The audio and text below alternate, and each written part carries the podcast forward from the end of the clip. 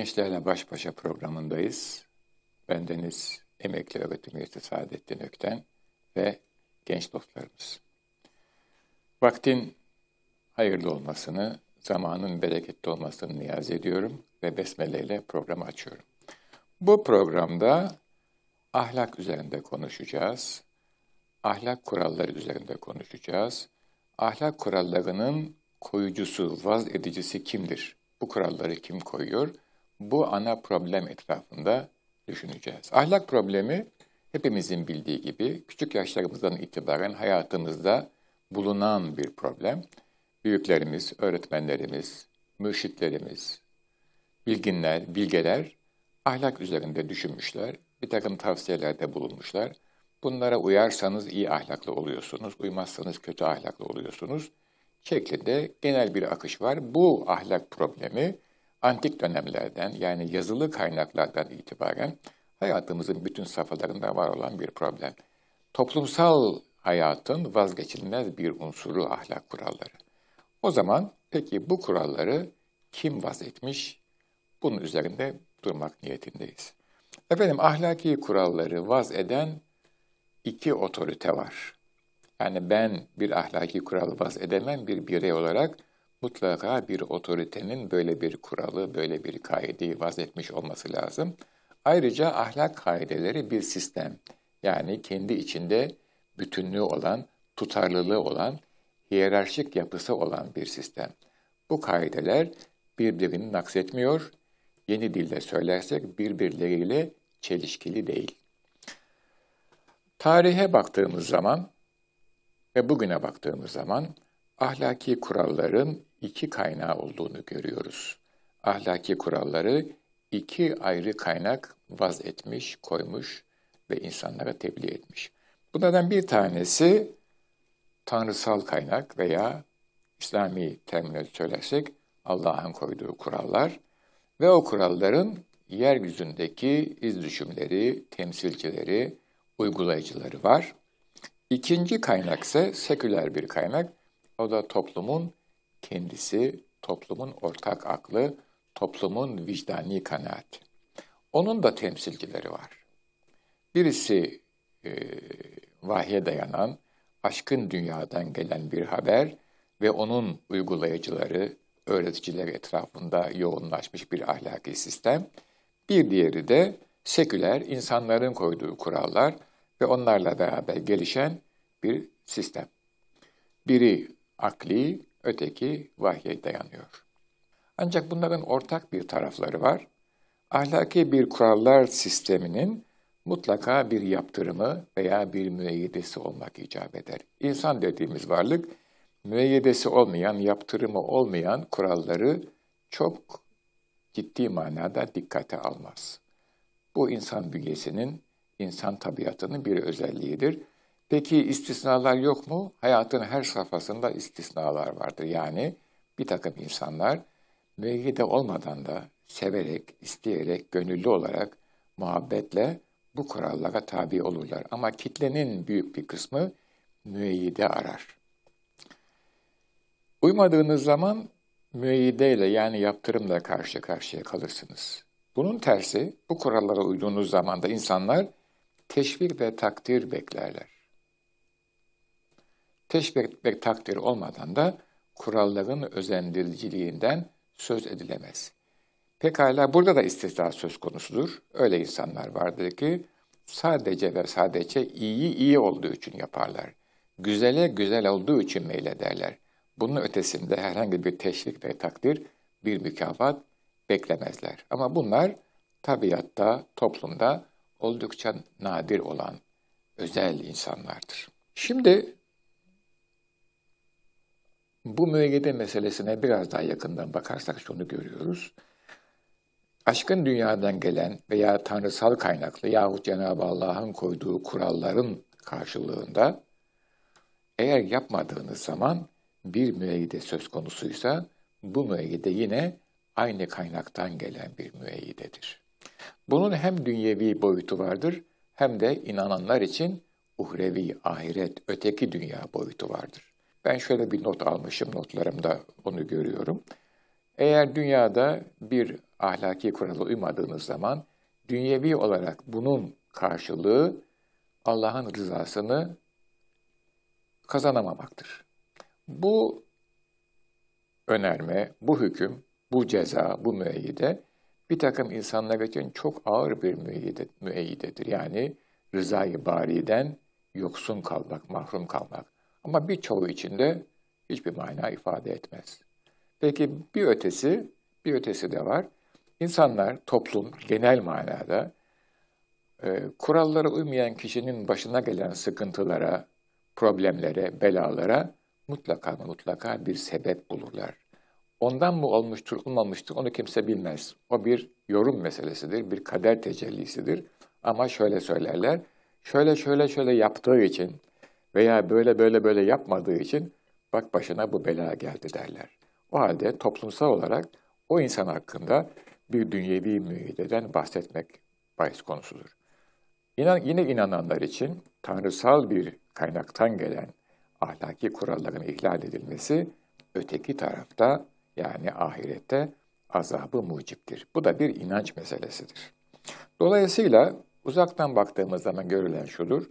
Tanrısal yaptırımların hem dünyevi hem de öteye ait, ahirete ait e, karşılığı vardır, cezaları vardır, sıkıntıları söz konusudur. Buna karşılık toplumsal kaynaktan gelen, toplumun koyduğu, seküler bir otoritenin koyduğu e, kurallarda, ahlaki kurallarda bunlara uymadığınız zaman sadece dünyevi bir müeyyideyle karşılaşırsınız. Tabii dünyevi müeyyide sadece dünyaya inananlar, insanlar için geçerlidir. Ama dünyaya ve ötesine inanan insanlar için dünyevi müeyyide vardır ama bir de öteki bir başka bir müeyyide vardır. Dünyevi müeyyide de ahlaki kuralların ihlalinde kınamadır, toplum tarafından hoş görülmemedir, daha ötesinde toplum tarafından dışlanmadır. Ahlaki kurallar hiçbir zaman hukuki kurallarda olduğu gibi sert yaptırımlarla neticelenmez. Ama eskilerin bir sözü var, e, anlayana e, sivrisinek saz, anlamayana davul zurna az. Bazı öyle insanlar vardır ki neyle karşılaştılar karşılaşsın, bana mısın demez, hiç kendi üzerine alınmaz. Her iki müeyyide türünde de yani ahlaki kuralların ister e, aşkın bir kaynaktan gelmesi halinde, ister toplumun koyduğu kurallar olması halinde, toplum, ferdin bunlara uymak noktasında karşı karşıya kaldığı bir toplumsal irade, istek, hatta biraz daha net söyleyelim, baskı söz konusudur. Herhangi bir ahlaki, sistematik kuralların geçerli olduğu toplumda onlara karşı gelmeniz oldukça zordur. O toplumsal baskıyı hiç söz söylenmese bile jestlerden, size karşı bakışlardan, size karşı oluşan havadan hemen anlamak mümkündür. Öteki dünya inancı olan insanda e, akıl ve içgüdünün oluşturduğu yapılanma kısıtlamaya uğrar. Öteki dünya inancı olmayan insanda ise bu akıl ve içgüdünün yap, oluşturduğu yapılanma hiçbir kısıtlanmaya uğramaz. Akıl ve içgüdü ki insanların çok önemli iki büyük yeteneği bunlar birleştiği zaman mantıksal bir hayat anlayışı ortaya çıkıyor. Burada kader dahi zaman zaman göz ardı edilebiliyor. Diyelim ki bir insanın parası yok, fakir düşmüş, hasta olmuş. Akıl ve mantık ve içgüdü bunu şöyle yorumluyor. Kendine iyi baksaydı hasta olmazdı diyor. Eğer çalışsaydı para sahibi olurdu diyor. Bu çok lojik bir çıkarsama. Hiçbir yanlışı yok gibi görünüyor. Ama hayata özel şartları dikkate alarak yani ferden fert bakan bir göz için insan çok çalışsa da, kendisine iyi baksa da, şöyle yapsa da, böyle yapsa da öyle haller başına gelebiliyor ki fakir düşüyor, hasta düşüyor, insanların merhametine, şefkatine, sevgisine muhtaç oluyor. Demek ki sadece lojik bir hayat, hayatı ifade etmek ve anlamlandırmak için yeterli kalmıyor. Böyle baktığımız zaman sadece akıl ve içgüdüyle bakıp öteki dünya anlayışını hayattan çıkardığımız zaman sonuçta menfaatçi, çıkarcı bir dünya ile karşılaşıyoruz ve bu dünyada bencillik ön plana çıkıyor. Bu ise hayatı yaşanmaz, sert, lojik bir kalıba döküyor. Bu hayat içerisinde kendine yer bulanlar, başarı gösterenler öne çıkmakta, güçlü olmakta. Buna karşılık kendi dahliyle, kendi kusuruyla olmasa veya kusuruyla olsa bile hayat yarışında geri kalanlar maalesef çok karamsarlığa, bahtsızlığa itiliyor. Dolayısıyla rigid ve merhametsiz bir dünya ile karşılaşıyoruz. Belki şöyle söylemek lazım, modernite dediğimiz rasyonel medeniyet tasavvuru öyle bir ahlaki standart getirmiştir ki bunun sonucunda o toplumda yaşayan insanlar, o geniş bir medeniyet ailesidir, bir manada rasyonel kriterlerle yaşamaya mecbur kalmışlardır. Halbuki hayatın getirdiği sadece aklın, rasyonelitenin sınırlarına sığacak bu iki kavramla açıklanacak şey gibi değildir. Hayat çok farklı maceralarla karşı karşıya bırakıyor Ademoğlunu. Dolayısıyla insanın merhamete, şefkate ihtiyacı var. Öte dünya inancı olan insan, yani ahiret inancı olan insan, hayatta işlediği suçların, ahlaki kusurların farkındadır. Ve öteki dünyada Rabbinin merhametine iltica eder. O zaman şu resim çok netleşir. Eğer siz birey olarak Allah'ın, Rabbinizin merhametine muhtaçsanız, niçin bu dünyada fırsat elinizdeyken merhamete ve şefkate muhtaç kullara merhamet göstermeyin? Hatta bir e, esası da burada söyleyelim. Merhamet etmeyene merhamet edilmez buyurulmuştur. Demek ki öteki dünya inancı hayatı yumuşatıyor, hayata bir şefkat ve merhamet boyutu ekliyor ve böylece rigid olmayan bir dünya görüşüyle, bir yaşama biçimiyle karşı karşıya kalıyoruz. Pekala öteki dünya inancı olan toplumda lojik mantık yok mu şüphesiz var. Ama belirleyici ve tanımlayıcı unsur değil. İnsan dediğimiz varlık akılsız yaşayamaz. Akıl Allah'ın büyük bir lütfudur. O insanın hayatta kalması, yaşaması, başarı kazanması ve diğer insanlara hizmette bulunması, çevreyi koruması ve hayatı güzel geçirmesi için çok büyük bir vesile ve vasıtadır. Ama aklın ötesinde bir başka boyutu da vardır insanın. Buna da isterseniz gönül boyutu adını verelim. Sevgi ve hoşgörü aklın ötesinde bu gönül boyutundan neşet eder, doğar, ortaya çıkar. Ancak akıl, sevgi ve hoşgörü ortaya çıktıktan sonra onun insanlara nasıl gösterileceği, hangi istikamette ve hangi davranışlarla sevgi ve hoşgörünün bireylere ve topluma yansıtılacağı üzerinde çözümler üretir, yöntemler geliştirir, bireysel veya toplumsal usuller ortaya koyar. Ancak akıl tek başına salt, içgüdülerle beraber hayatı biçimleyemiyor. Bu sözleri yıllar önce, asırlar önce İslam mütefekkirleri söylediler. Bu açıdan bakıldığında İslam dünyasında akılla ve gönül beraber yürüdü. Sonra Batı dünyasında modernite ortaya çıktı. İnsanın gönül boyutunu bir kenara koydu, ihmal etti. Değişik mertebelerde reddetti veya dominantken onu bağımlı unsur haline getirdi. Neticede bir rasyonel medeniyet kuruldu. Ama bugün görüyoruz ki bu rasyonel medeniyet kendi ahlaki ölçüleriyle ile dahi bir mutluluk çemberini inşa etmiş durumda değildir.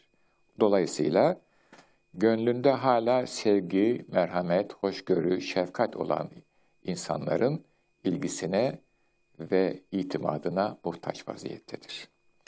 Evet, e, genel olarak ahlaki kuralların bir vaz edicisi olduğunu, bunun da bir otorite olduğunu söylemeye çalıştık. İki temel kaynaktan bahsettik. Bir tanesi aşkın kaynak, tanrısal veya Allah'ın koyduğu kurallar. Bir başkası ise toplumun koyduğu kurallar. Birisinde öte inancı olduğu için fert daha zenginleşiyor. Ötekisinde ise sadece dünya ile sınırlı olduğu için daha rasyonel, daha rigid, belki daha lojik bir ahlaki sistem ortaya çıkıyor. Benim bu genel takdimimden sonra sıra geldi soru faslına. Evet, Şimdi sizden soruları alıyoruz. Evet buyurun efendim. Ortaya konmasında iki otoriteden bahsettiniz. Evet, Birisi ta- ilahi kaynak, birisi toplumun koyduğu seküler kaynak. evet, Ve e, ahlak sistemlerinin bir bütün halinde ve e, birbiriyle çatışmayan Evet. bir şekilde olması gerektiğinden bahsettiniz. evet. Bir Müslümanın modern zaman içinde pragmatist zamanın ahlakıyla yaşaması ne derece doğrudur ve Müslümanın rasyonel sistem içindeki tutumu ne olmalıdır? Bu çok güncel bir soru ve can alıcı bir soru. Efendim tabii şimdi e, İslam medeniyeti, ben çok geriden bakarak cevap vereceğim. İslam medeniyeti e, modernitenin zirve yaptığı zamanlarda yani 19'un sonu 20'nin başında artık yaşamayan bir medeniyet, arkaik bir medeniyet olarak nitelendirildi. Neden? Çünkü teknolojisi yoktu İslam toplumlarının. Ee, modernite dediğimiz hadise dünyaya bakan, insan varlığını, iç dünyasını ihmal eden bir hadisedir.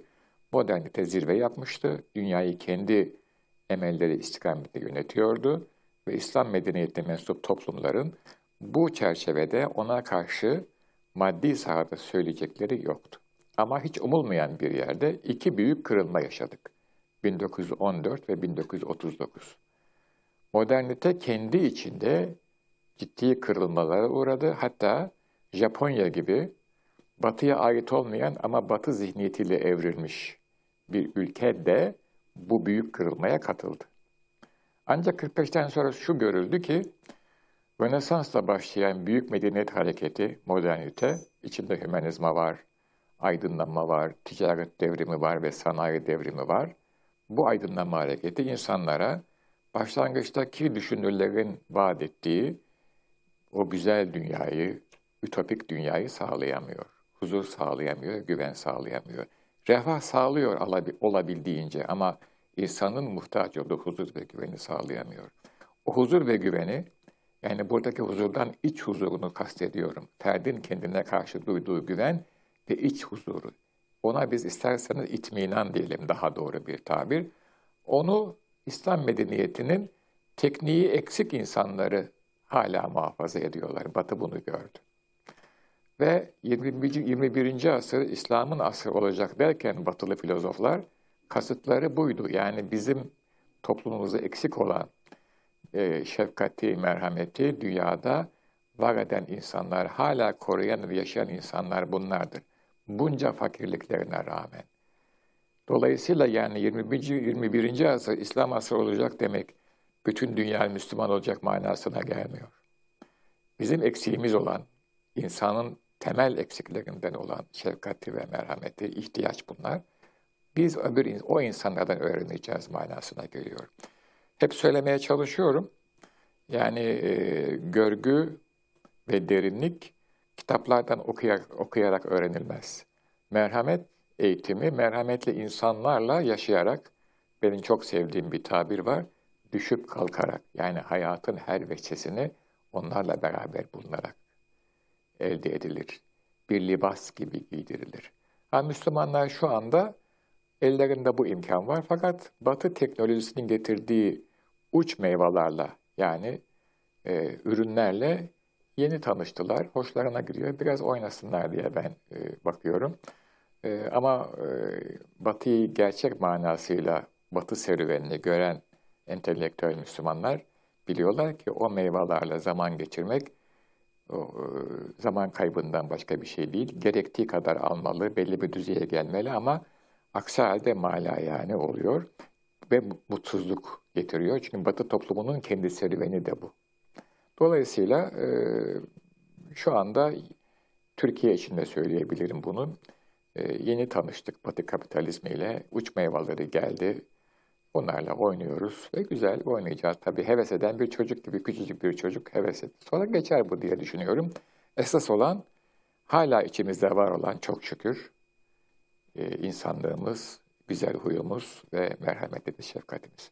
Efendim bu soruyla programı kapatmamız gerekiyor. Çünkü bize ayrılan zamanın sonuna geldik. Vakti tümüyle kullandık.